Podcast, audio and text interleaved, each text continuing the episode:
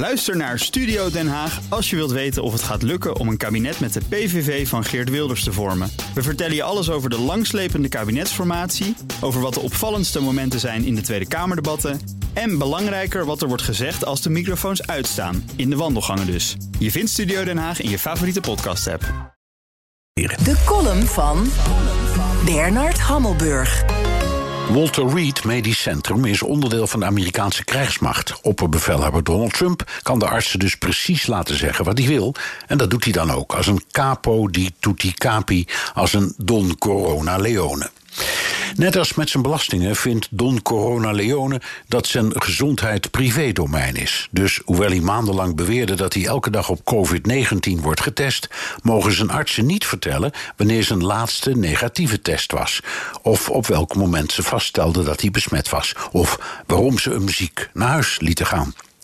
Het past in Trumps strategie. Hij brieste voortdurend tegen zijn staf dat hij het ziekenhuis uit wilde. En weg was hij, gevolgd door een theatrale balkonscène op het Witte Huis zonder mondkapje. Hij twitterde: Ik voel me prima, wees niet bang voor corona, laat het je leven niet domineren. We hebben onder de regering Trump geweldige medicijnen en kennis ontwikkeld. Ik voel me beter dan twintig jaar geleden. En daarna deze boodschap. We nemen de leiding in deze strijd. Als jullie leider moest ik dat doen. Ik weet dat er gevaar is, maar ik moest het doen. Ik stond vooraan en nam de leiding. Geen woord over de 210.000 Amerikanen die inmiddels aan corona zijn bezweken. We zullen zien of Don Corona Leone ermee wegkomt. Of hij op 15 oktober op het tweede debat met Joe Biden verschijnt. Of de komende dagen met zijn cocktail van experimentele medicijnen en steroïden opkrabbelt. Hoe dan ook, de kritiek op zijn capo die tutti capi aanpak is niet van de lucht. Op de argumentatie van de critici valt best iets af te dingen. Donald Trump is niet de eerste president die zijn artsen laat liegen over zijn gezondheid.